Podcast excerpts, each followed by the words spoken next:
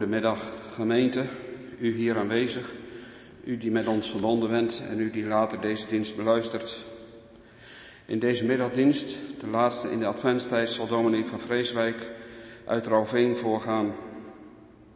Morgenochtend, eerste kerstdag, zal de dienst in de schulp zijn en hoopt dominee de Leeuw voor te gaan. Deze dienst begint om kwart voor tien vanwege het zingen van kerstliederen voor de dienst.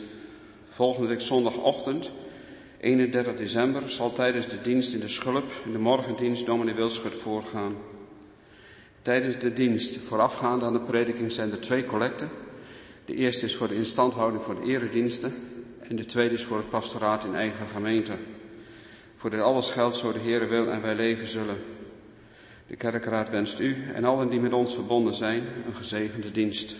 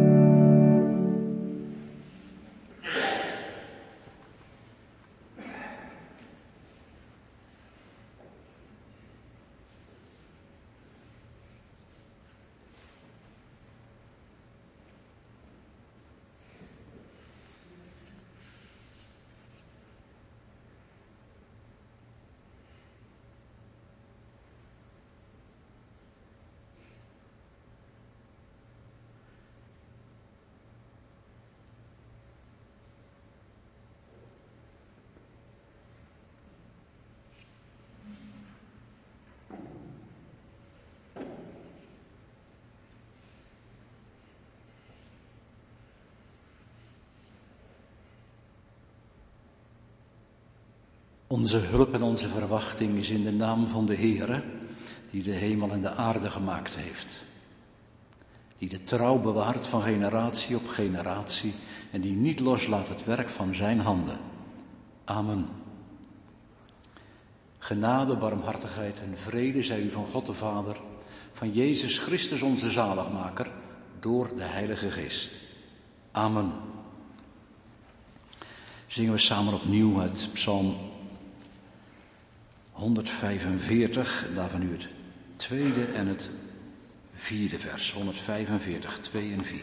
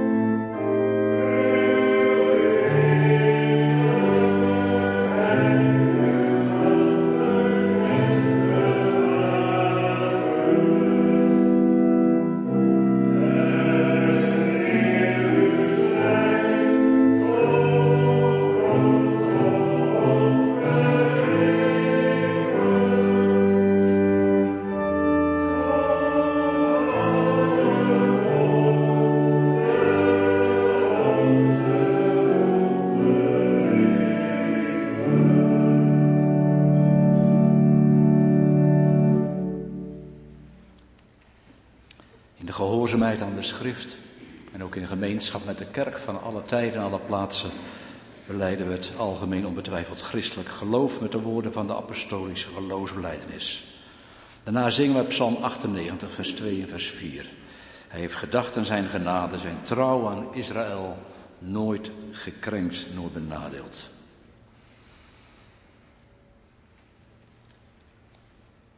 Spreek dan in ieder van u met mij in zijn of haar hart. Ik geloof in God de Vader, de Almachtige Schepper van hemel en aarde.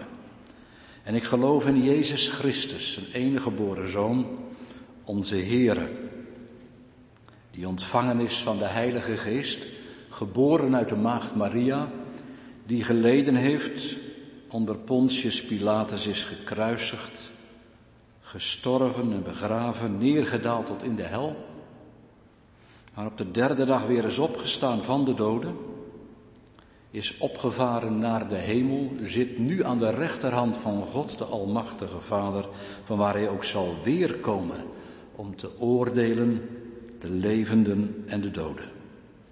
Ik geloof in de Heilige Geest. Ik geloof in een heilige algemene christelijke kerk, de gemeenschap van de heiligen.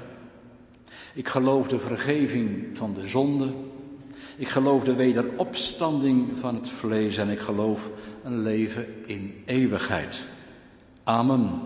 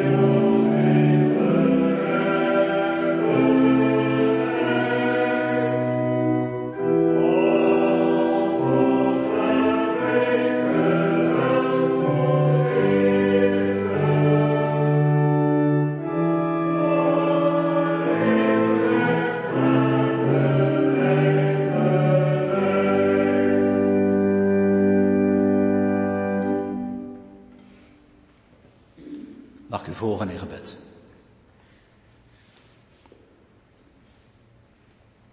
Genadige en trouwe God en Vader in de hemel. Dank dat we vanmiddag hier samen kunnen zijn als gemeente aan deze plaats. Dat u ons deze stille plek geeft om samen de schriften te lezen die u aan ons geschonken hebt, die open mogen liggen samen daarvan zingen, van uw grote daden die u gedaan hebt en die u doet en die u zult gaan doen. Samen ook luisteren naar de verkondiging, dat uw woord stem mag krijgen, uitgelegd mag worden en dan mogen we samen hier staan en zitten hier in het geloof en in het vertrouwen dat u dat woord ook zult willen binnendragen in mensenharten om hen te vervullen met uw heilige geest. Zodat die geest dat woord ook toepast, ons die daden van u, in Jezus Christus met name die daden aan het hart en in het hart te leggen. En ons ook verwachting te geven over dat Hij nogmaals komen zal. We leven in dat venstijd, de laatste zondag voor het feest morgen. Het feest waarin we mogen vieren dat U, Heer Jezus, vanuit die, dat genadehart van uw Vader bent gekomen om het verlossingswerk ter hand te nemen. Om recht te verschaffen. Voor uw Vader, door mensen met, door de, al het verkeerde van mensen die hier op aarde leven, om dat te verzoenen. En zo ook velen, een volk dat niemand tellen kan, verzoend met u en uw Vader te verbinden. Hier, daar bent u mee bezig om zo uw koninkrijk uit te breiden. Doet u ook aan deze plek en we mogen ook zo samen hier zijn. Heer, u weet of we daarin delen. Of we dat kennen, ook met ons hart. Als het er nog niet zo is, Heer, wilt u dan het hart maar openbreken. Openmaken voor het woord. Opdat we bereid zullen zijn. Zeker omdat we geloven dat u, u terug zult komen. Maar dan ook als rechter om de wereld te richten, te oordelen, levende en dode. Heere, geef dat als dat moment komt en uw vader weet wanneer, dat we dan toebereid mogen zijn. Dat dan de, onze harten mogen zijn als, als olie, olievaten die als lampen die mogen branden met de olie van de genade. En dat we u dan in het licht mogen stellen. U alle eer geven, u verwelkomen. Om dan met u de nieuwe aarde te bewonen in uw licht. Vanavond willen we, vanmiddag willen we daarbij stilstaan. Bij die komst, heren, die tweede. Bij de gedachten daar, dat er verschillende gedachten over zijn. Geef ons helderheid, heren, om dat vanuit de schrift te mogen verklaren. En te mogen verstaan wat we verwachten mogen. Wees met allen die niet bij ons kunnen zijn. Wil hen uw zegen nog niet onthouden. U bent nog niet aan een plaats gebonden, heren. Wil dan thuis, als we meekijken of meeluisteren, ons ook maar de aandacht geven, de vervulling met uw geest. Zie ons dan zo aan vanmiddag. In de zoon van uw liefde, die aan uw rechterhand zit, onze Heer en Heiland Jezus Christus. Amen. Ik wil met u lezen uit de brief die Paulus heeft geschreven aan de gemeente van Thessaloniki. Hoofdstuk 4, de eerste brief.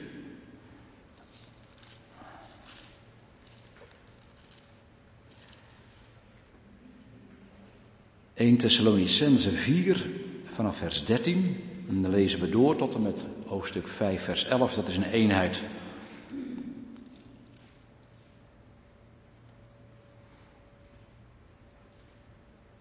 Waar lezen we het woord van God? Ik wil niet, broeders, dat u onwetend bent ten aanzien van hen die ontslapen zijn. Opdat u niet bedroefd bent, zoals ook de anderen die geen hoop hebben.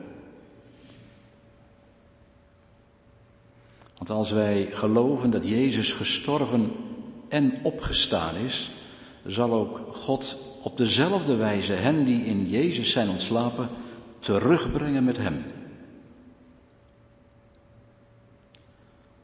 Want dit zeggen wij u met een woord van de Heere, dat wij die levend zullen overblijven tot de komst, de wederkomst van de Heer Jezus, de ontslapene beslist niet zullen voorgaan. Want de Heere zelf zal met een geroep, met de stem van een aartsengel en met een bazuin van God neerdalen uit de hemel. En de doden die in Christus zijn, zullen eerst opstaan. Daarna zullen wij, de levenden, die overgebleven zijn, samen met hen opgenomen worden in de wolken, naar een ontmoeting met de Heer in de lucht. En zo zullen we altijd bij de Heer zijn. Zo dan, troost elkaar met deze woorden. Maar wat de tijden en de gelegenheden betreft, broeders, het is voor u niet nodig dat men u daarover schrijft, want u weet zelf heel goed dat de dag van de Heer komt als een dief in de nacht. Want wanneer zij zullen zeggen er is vrede en veiligheid, dan zal een onverwacht verderf hen overkomen zoals de barenzweeën een zwangere vrouw en ze zullen het beslist niet ontvluchten. Maar u broeders bent niet in duisternis, zodat die dag u als een dief zou overvallen. U bent alle kinderen van het licht en kinderen van de dag. We zijn niet van de nacht en ook niet van de duisternis. Laten we dan niet evenals de anderen slapen, maar laten we waakzaam en nuchter zijn.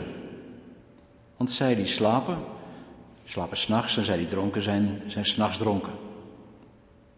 Maar laten wij die van de dag zijn nuchter zijn, bekleed met het borstharnas van geloof en liefde en met de hoop van de zaligheid als helm.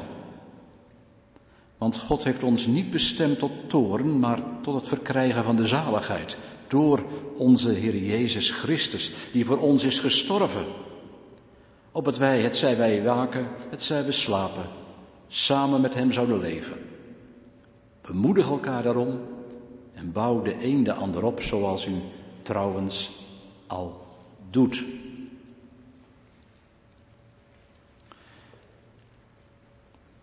Gisteren wat eh, contact gehad met van der Haar over eh, het gedeelte wat ik wilde gaan bepreken. Ik zeg, is er al een keer over preek? Nou ja, toen bleek dus dominee van het Goor die vorige week heeft hij hoofdstuk 5 vers 1 tot en met 5 met name met u overdacht. Het was mijn plan om vers 17 van hoofdstuk 4 met u te overdenken.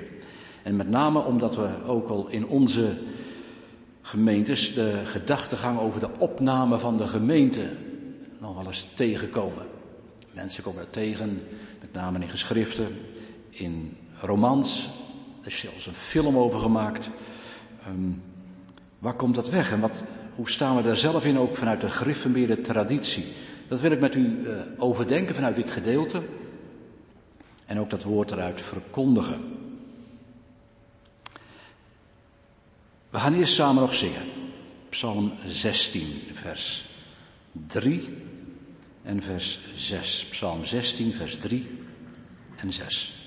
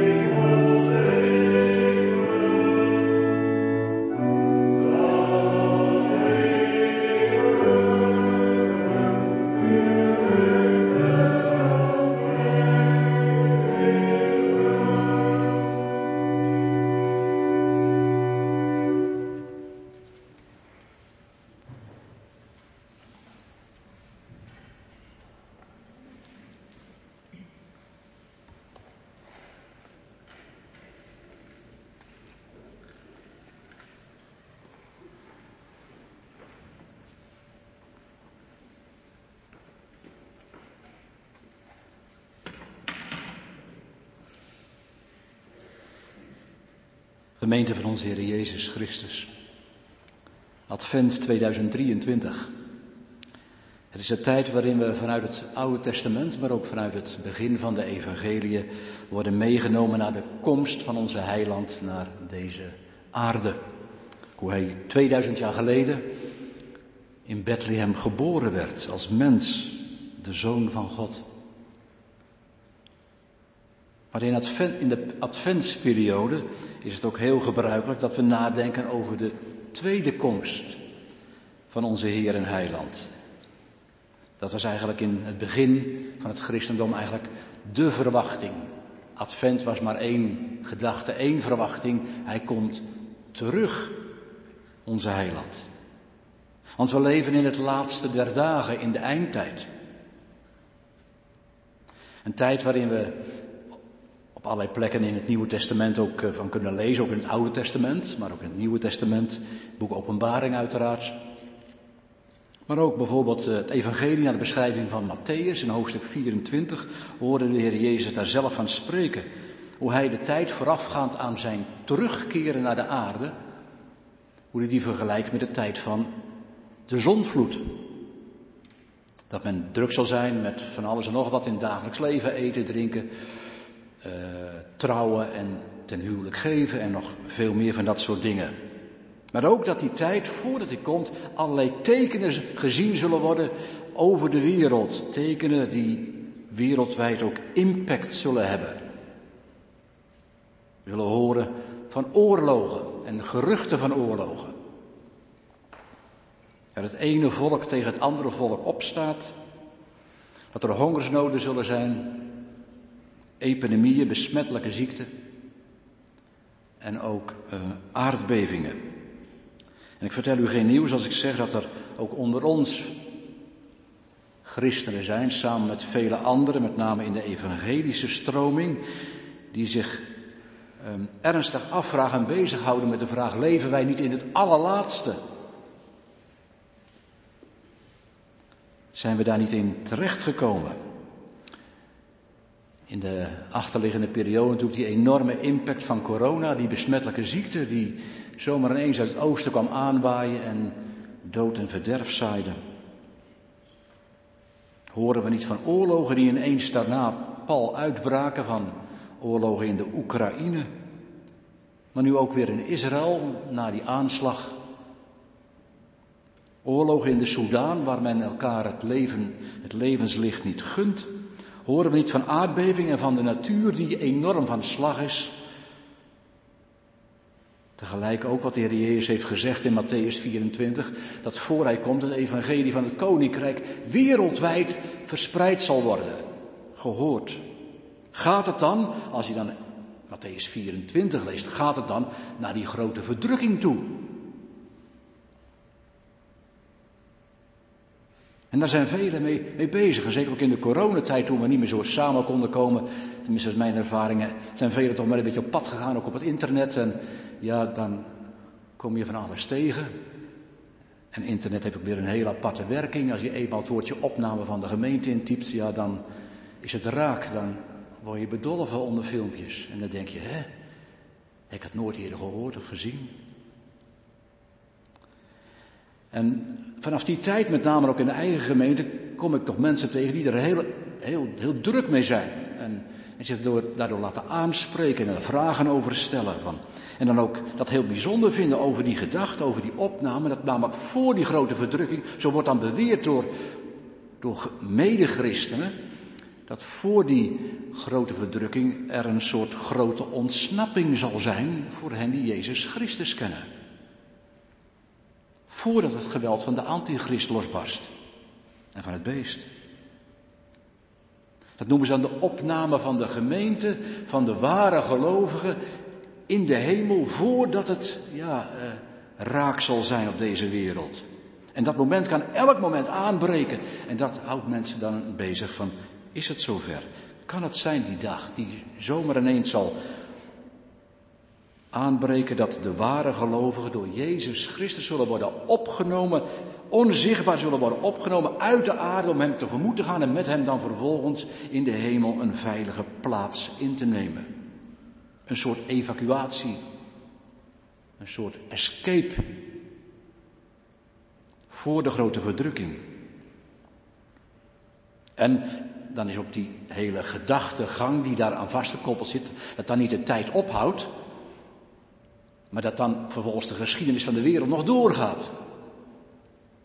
Met de mensen erop die zijn achtergebleven. De lauwe christenen in de kerk en de vele ongelovigen daaromheen. Die wereld zal dan gewoon nog doordraaien en dan ja, gedurende een periode van zeven jaar gebukt gaan onder een grote verdrukking. Een tijd waarin die achterblijvers, zo zeggen ze dan, de herkansing krijgen om alsnog in Jezus Christus te geloven.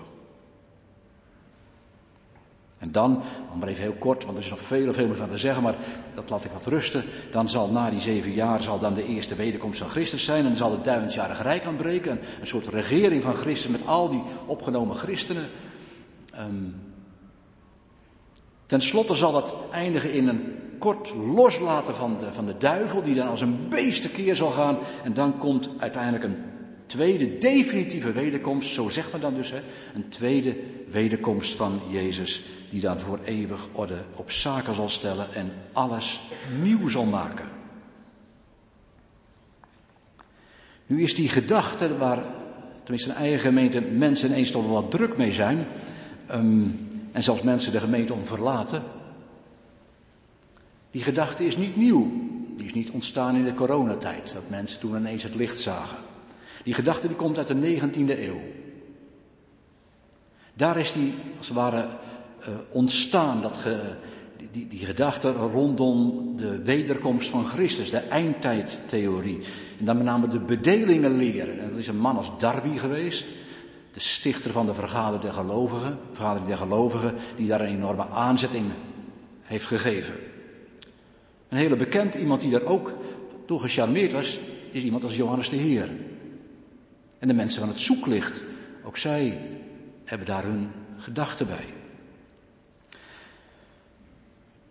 De laatste tijd is het ook wat breder geworden. Dat uh, een man als Tim LaHaye, laat ik het maar even op zijn Nederlands zeggen, LaHaye, die heeft een hele uh, romanreeks heeft hij geschreven over dan, hoe het dan in romanvorm zou toegaan als de Heer dan inderdaad die gemeente roept.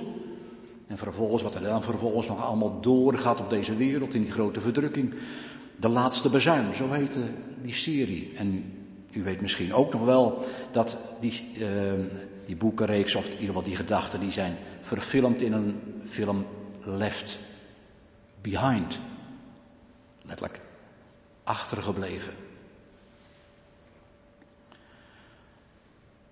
Die gedachte, die, die haalt men niet zomaar even uit de losse pols, die heeft men ergens vandaan gehaald. met name uit um, 1 Thessalonicense 4. Begon allereerst denk ik met het boek Openbaring, waar men, die men heel letterlijk las, volgens. En dan, ja, hoe moet je dat dan verstaan?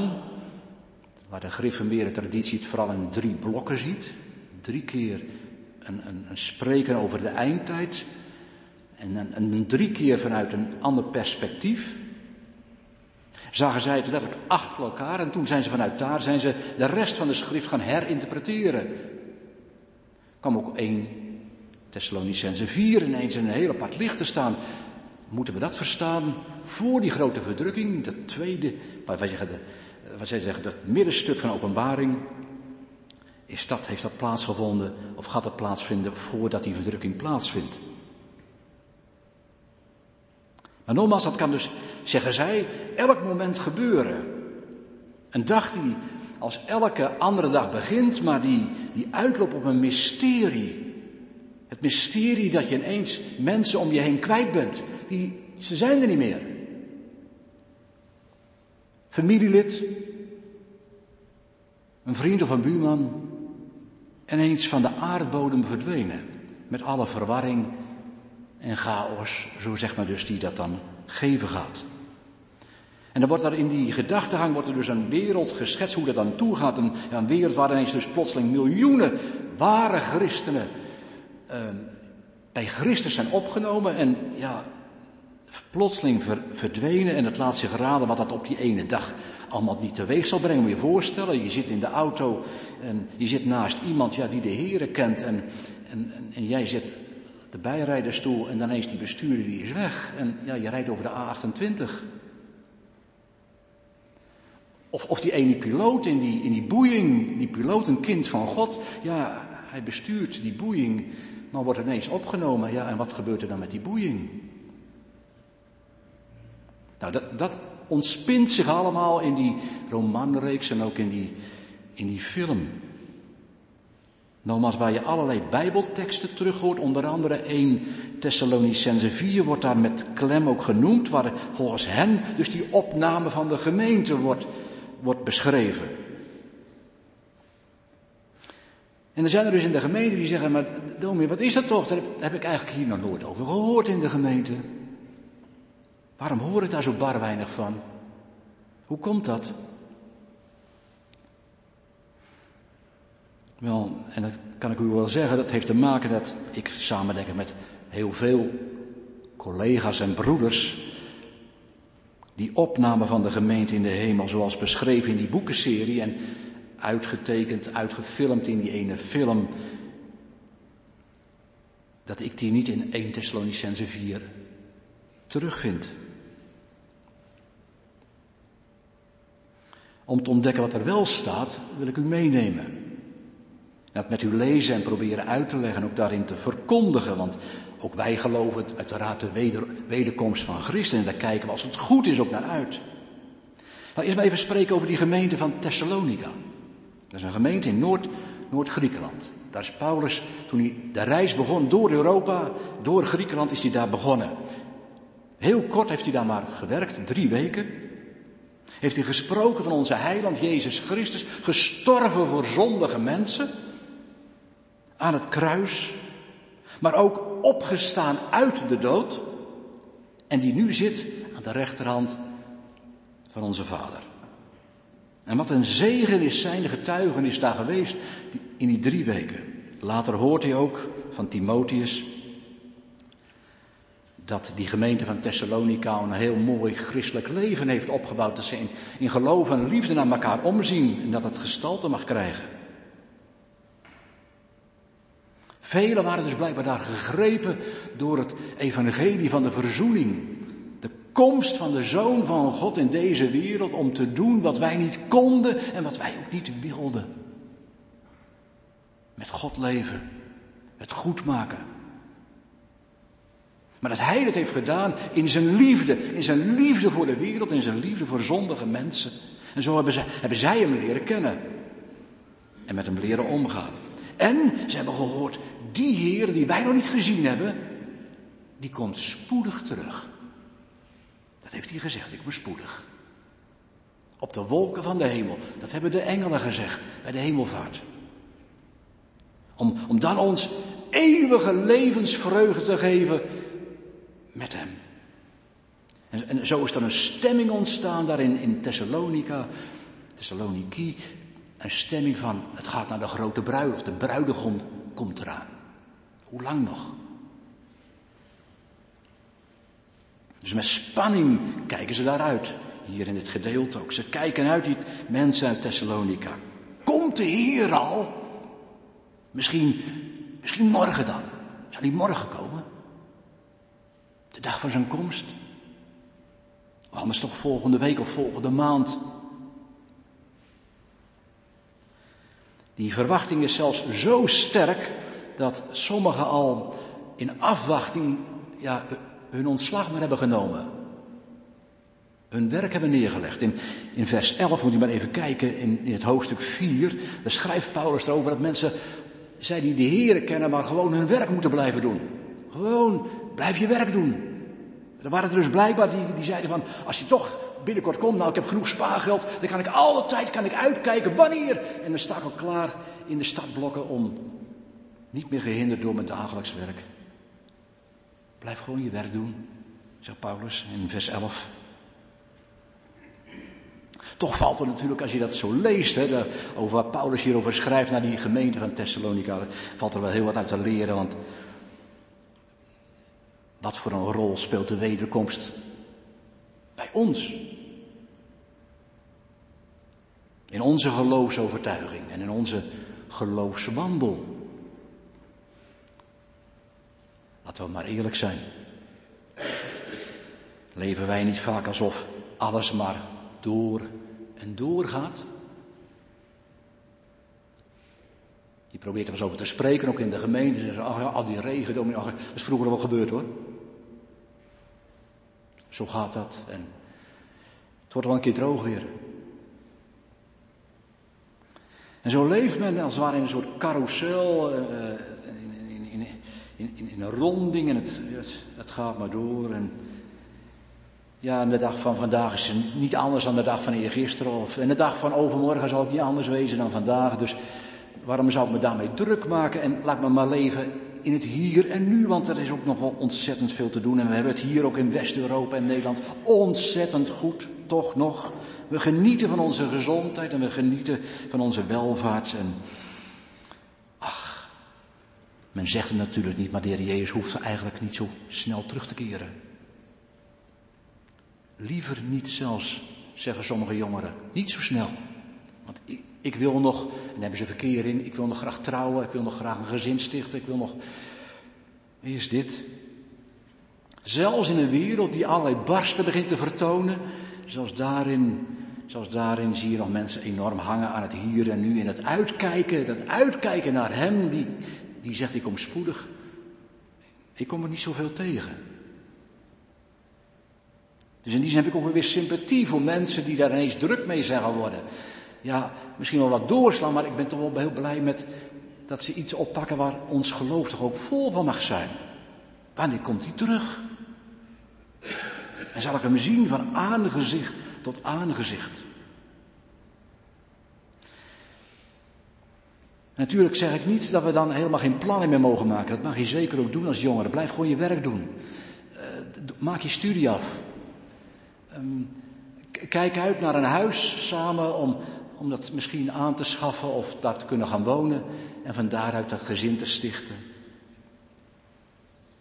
En maak werk van je carrière en van je werk om, om verder door te leren. Maar laten we wel, en dat mogen we tegen elkaar toch ook zeggen als we jong zijn, laten we wel beseffen dat alles hier toch heel betrekkelijk is. En heel voorlopig en heel kort. En dat de zonde zo een barst in je leven kan slaan. En dat het echte goede, het echte volmaakte, dat komt als Jezus terugkeert. En zijn koninkrijk in, in een volheid zal doorbreken. Die Thessalonicenzen in ieder geval, die, die hadden die verwachting wel. Hebben de Heer Jezus leren kennen, die wacht op zijn wederkomst. En met z'n allen kennen ze dus dat verlangen. Kom, Heer Jezus, ja, kom haastig, kom spoedig. Maar dan gebeurt er dus in Thessalonica iets waar ze van slag van raken. En daar gaat Paulus met name op in. Er overlijden namelijk broeders uit die eerste gemeente, die tot geloof zijn gekomen, die op Jezus hopen, die, hem lief hebben gekregen, omdat hij hen heeft lief gehad. Van die broeders, die eerste broeders en zussen, overlijden er een aantal.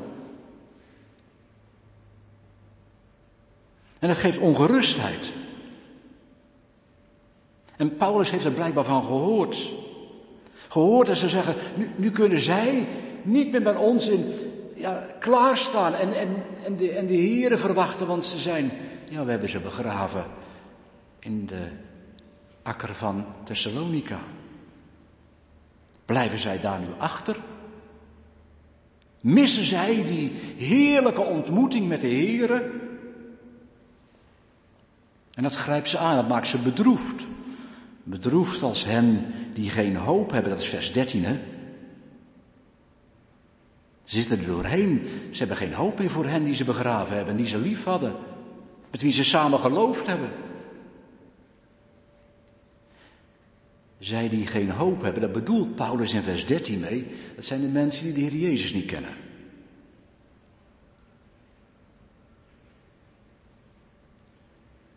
Um, voor wie het leven, zou je kunnen zeggen, omdat ze de God van het leven niet kennen, het leven niet verder gaat dan eigenlijk, ja, hier en nu, en dan komt het graf en dan is het over. Of misschien hooguit een vaag geloof, of er nou misschien wat goden zijn waar je Of misschien dat je terugkeert als een soort gereïncarneerd. Ja, dat soort dingen die hoorde je daar ook wel. Maar nou, echte hoop, echte hoop hebben die sterker is dan de dood. Ach, dat heeft die wereld om de gemeente niet. En dat dreigt nu ook ineens zo de gemeente van Thessalonica in zijn greep te krijgen. En daar zijn ze door geschokt. En dan zegt Paulus, lieve mensen, daar is geen, daar is geen reden toe. Geen reden voor. Ik wil niet dat jullie bedroefd zijn als hen, als mensen die geen hoop hebben. Wij mogen toch geloven dat Jezus Christus gestorven is en opgestaan. Onze heiland is toch voor ons. Hij heeft ons toch meegenomen in zijn hart. Meegenomen in die bittere dood.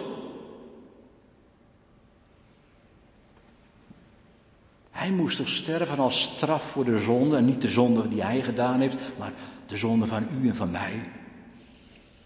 Zoals dat avondmaalformulier zo prachtig zegt. Hij voor ons, daar wij de, anders de bittere dood hadden moeten sterven. Hij plaatsvervangend. De verschrikking in. Maar ook opgestaan en daarin al de zijnen meegenomen in het hart.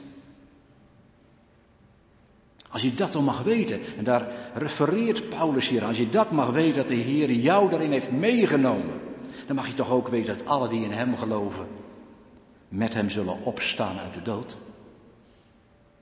Hij is toch de eersteling geworden van hen die ontslapen zijn. Ook zij zullen opstaan. Net als de Heer Jezus.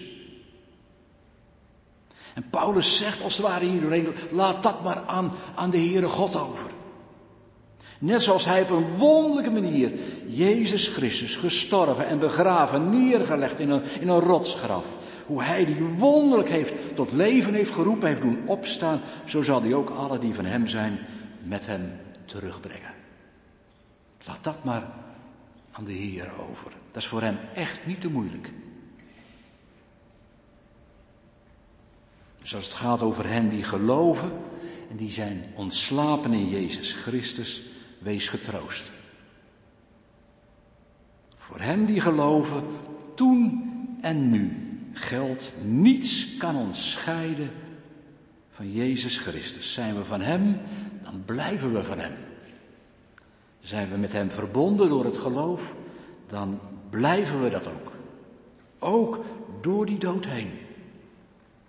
Ook in het donkere graf waar het lichaam tot stof weerkeert, ook dan niet los van Hem. En dan geeft hij met een paar zinnen geeft hij weer hoe het aan toe zal gaan bij de komst, de wederkomst van de Heer Jezus op de wolken als de laatste bazuin klinkt. Als Christus verschijnt, zegt hij, dan zullen eerst de graven opengaan. Hij zal van de hemel neerdalen. Met een geroep van een aartsengel zal er gehoord worden. Een stem, een bevel aan de doden, maar om, om, om uit de dood terug te komen. Weer te keren in het leven. Zoals ook de Heer Jezus heeft gezegd. In Johannes 5, vers 28. Het uur komt waarin allen die in de graven zijn, zijn stem zullen horen. En ze zullen uitgaan. Er zal ook een bazuin klinken. Zoals ook de Heer Jezus vermeld heeft dan in Matthäus 24, vers 31. Ook daar lezen van een bazuin. Waar de Heer Jezus zelf zegt in het vers daarvoor, alle stammen, als die bezuin klinkt, alle stammen van de aarde zullen dan de zoon des mensen zien. Alle stammen. Als die komt op de wolken van de hemel. Wonderlijk, indrukwekkend, al de stammen van de aarde, de zoon des mensen zien. Hij zal komen met grote kracht en heerlijkheid. En dan zal hij zijn engelen uitzenden met een bezuin van groot geluid. Als in Israël de bezuin werd geblazen, dan wist iedereen, iedereen wist dan dat er een nieuwe tijd zou aanbreken. Een nieuw jaar of een jubeljaar. Zo ook als de bezuin van God klinkt. Als Jezus komt, Dan breekt de eeuwige Sabbat. De het volmaakte jubeljaar breekt dan aan. Een nieuwe toekomst. Zo zullen zij die in Jezus zijn ontslapen eerst opstaan. Dat eerst. Die krijgen voorrang. En als dat gebeurd is, dan komen wij die nog in leven zijn. Dan komen wij aan de beurt. En dat mag jullie troost zijn, zegt hij hier tegen die mensen in Thessalonica, en dat mag ook onze troost zijn. Dat op die dag alle met wie we verbonden waren door het geloof hier op aarde, misschien een moeder met wie we gezongen hebben, van wie die ons bijgebracht heeft bij de schrift, of een vriend met wie we zo heerlijk konden optrekken, met wie we de Bijbel gelezen, maar die zo jong ons ontvallen is, dat die niet zullen ontbreken. Samen met hen, als wij dan nog leven en in het punt des tijds veranderd zijn, samen met hen zullen we aan de Heer tegemoet gaan. Om bij hem te zijn. Een vraag voor ik verder ga. Zou dat nou ook de troost mogen zijn van hen die, uh, die achterblijven over u? Dus degene die na, de nabestaanden als u wegvalt. Als jij wegvalt.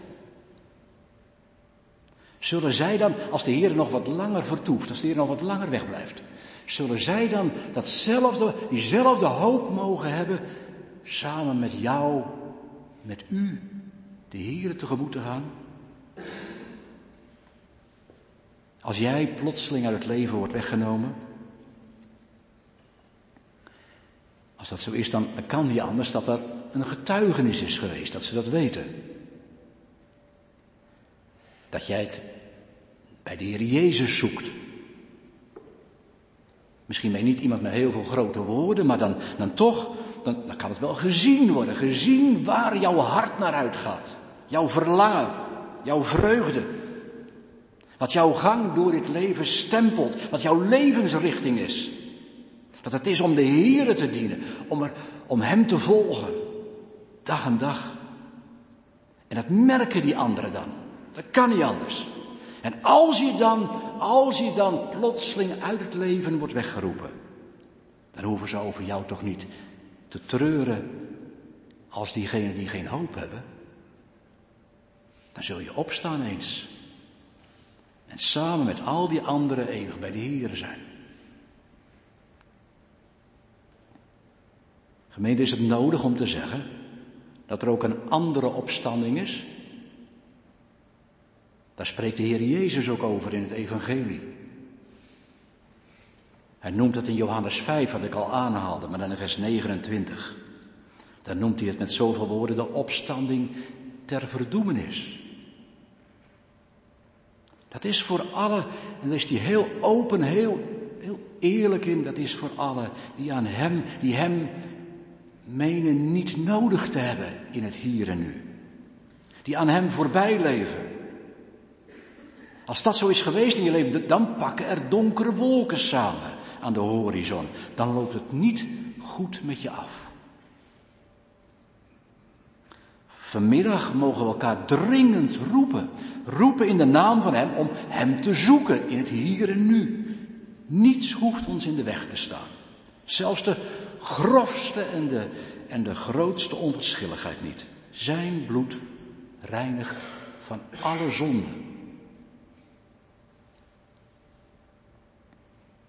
Dan zegt dus Paulus, dan zullen wij, als die anderen zijn opgestaan, dan zullen ook wij hem tegemoet gaan. En dan weten we uit 1 Korinthe 15, dat zal, dan zal er iets wonders gebeuren. Dan zullen we in een ondeelbaar ogenblik, in een punt des tijds, in een nanoseconde, in een oogwenk worden opgenomen, veranderd en opgenomen. Voor die ontmoeting met de Heer Jezus in de lucht. Als één gemeente, één kerk.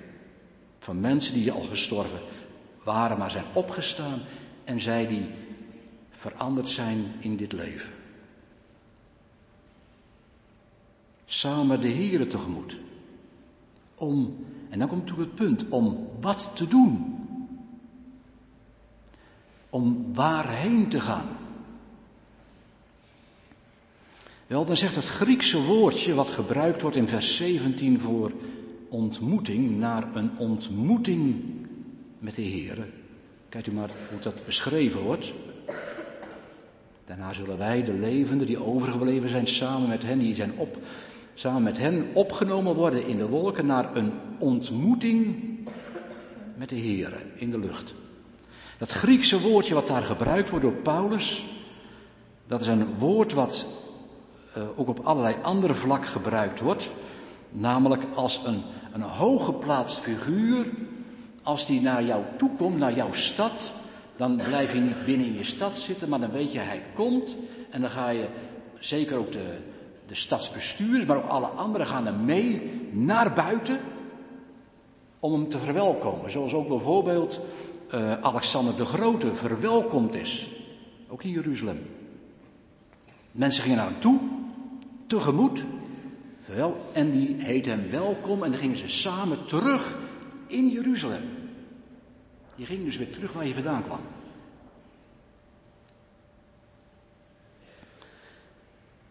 Samen met de Heer Jezus, als je hem ontmoet in de lucht, dat is een welkom, de bruidegom. En dan gaat hij mee, waar, gaat die bruiloft plaatsvinden? Die vindt plaats op de nieuwe aarde. In het nieuwe Jeruzalem. Daar, daar zal het naartoe gaan. Dus we gaan niet naar de hemel, maar we gaan naar die vernieuwde aarde waar de hemel op rust. Nee, die gedachtegang van de opname van de gemeente, die, die ten hemelopneming van de gemeente voor een grote verdrukking, die is bij Paulus echt niet aan de orde. Paulus kent maar één wederkomst van Jezus. De grote komst van die oordeelsdag, waarin de Heer naar de wereld komt. Ik wil nog drie dingen noemen tenslotte, die daarmee te maken hebben, die dat ook onderbouwen. Dus drie dingen die helder aangeven dat die ontmoeting van de gemeente met Christus op die laatste, die grote oordeelsdag zal plaatsvinden. En dat de geschiedenis dan dus eindigt. Dat is, dat is fundamenteel. Die eindigt dan.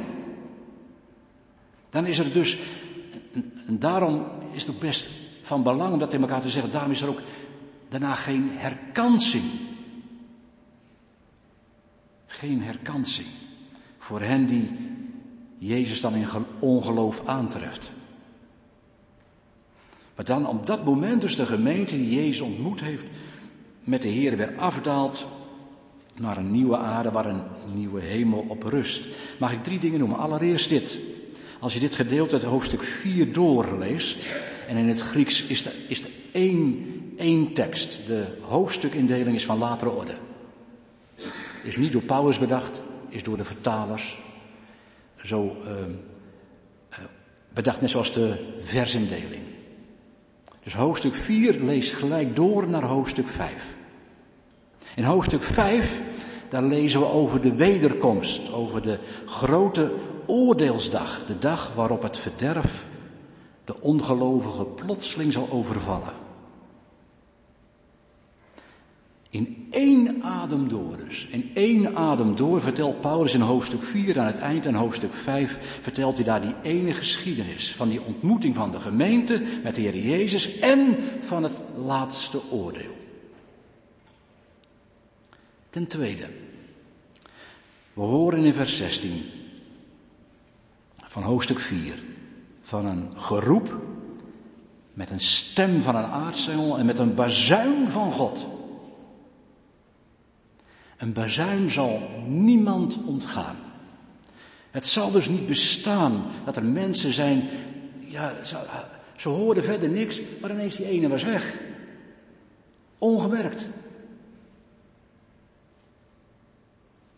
Er zal een bazuin zijn. Alle zullen het horen en zien.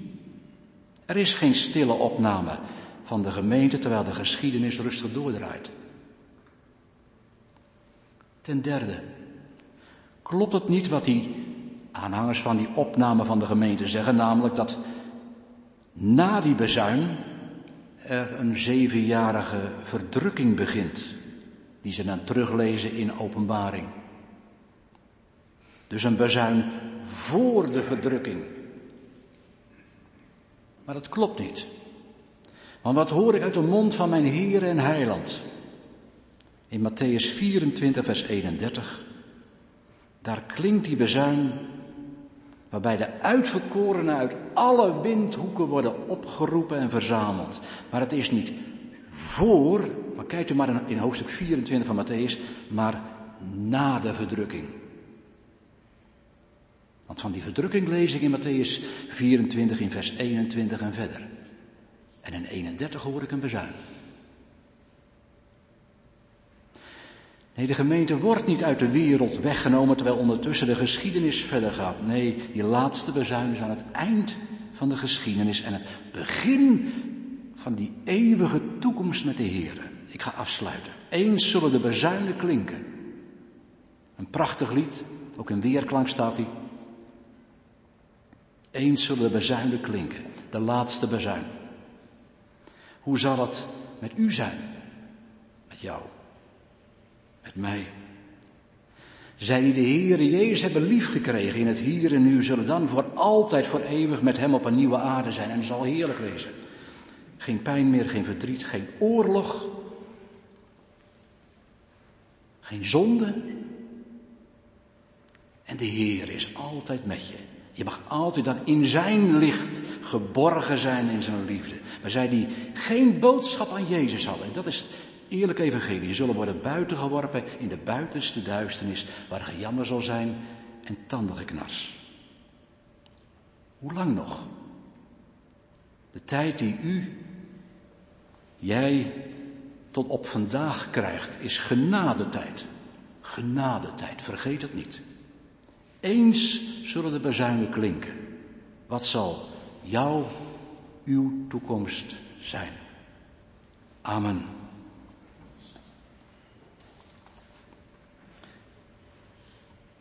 Had mooi geweest om het lied Eens zal de bezuinen klinken te zingen, maar u zingt psalmen, ook mooi. Psalm 17, daar lees ik het ook in terug. Ik zet mijn treden in, in uw spoor.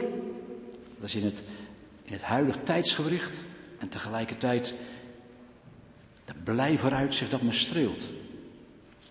Vers 3 en vers 8 van Psalm 17.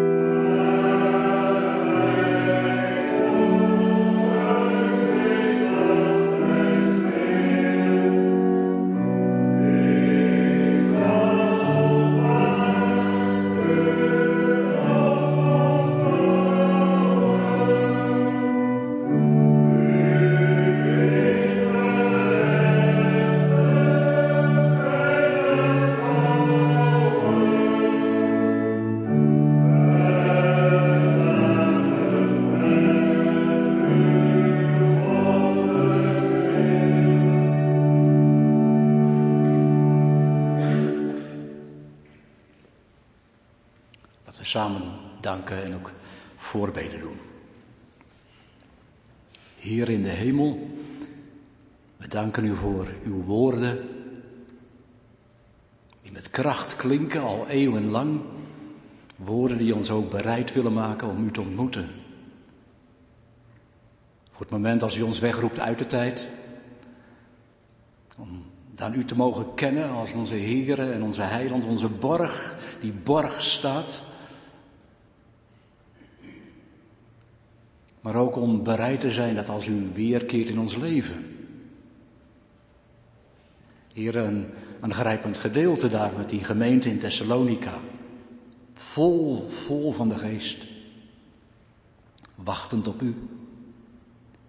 Heer, geef ons Geef ons daar iets van, dat we ook eh, in 2023 die verwachting mogen kennen. Dat we niet helemaal vastgeplucht zijn in het leven hier en nu. Door en door geseculariseerd. Maar dat we als christenen met een in geloof mogen wandelen. Uw toekomst tegemoet. Heer, als we nog niet bereid zijn, breek dan in in ons hart. En doe ons u ontmoeten als onze heiland, die van genade wil weten voor zondaren. Uw komst op, uw eerste komst op deze wereld, dan voor ons, ja, het leven mag worden. Het leven mag zijn. En we dan, dan ook, samen met al die anderen die, die levenswandel mogen hebben.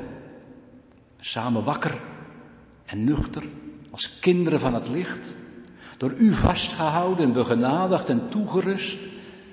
Heer, laat dan ook onze oliekruiken gevuld zijn met de, genade van u, zodat u komt, u het volle licht gezet mag worden, omdat u het hebt gedaan. Om dan als bruidegom, met u als bruidegom, naar de bruiloftszaal te gaan op de nieuwe aarde.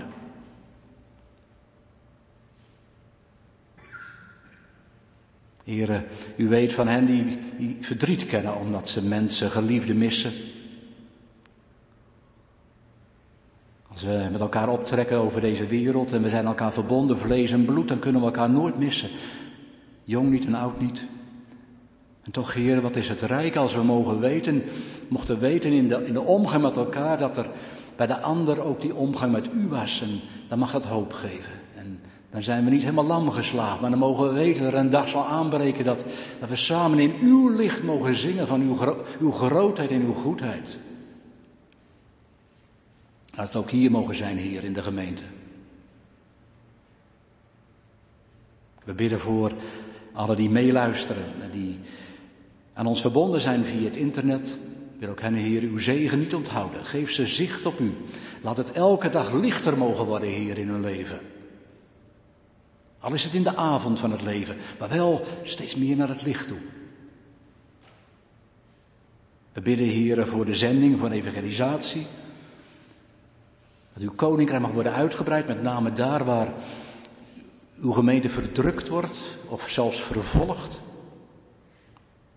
We bidden voor de broeders en zusters, ook in Israël, die u, de Messias, hebben leren kennen.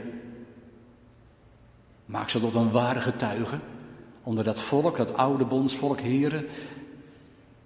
Wees ook met onze broeders en zusters onder de Palestijnen. Die uw naam aanroepen vanuit de schriften. Die u, Jezus, de Messias, ook hebben leren kennen. En die tussen twee vuren zitten. We bidden voor het volk hier, onze oudste broeder. We bidden voor hen die gegijzeld zijn. Maar wij bidden ook, Heer, voor al dat leed, die mensen die gebruikt, misbruikt worden, om als schild te dienen.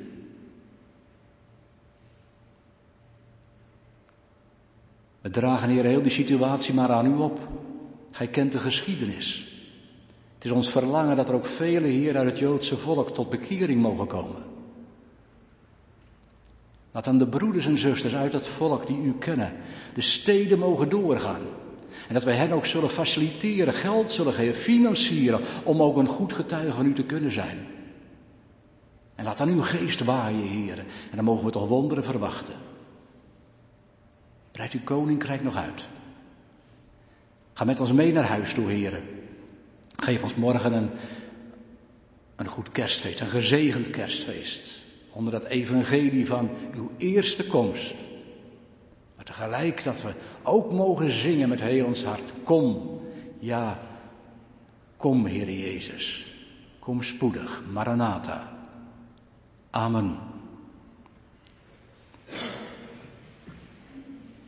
We zingen tot slot Psalm 150. Het eerste vers, een lofzang op de naam van God. Voor zijn troon en hier beneden. Psalm 150, vers 1.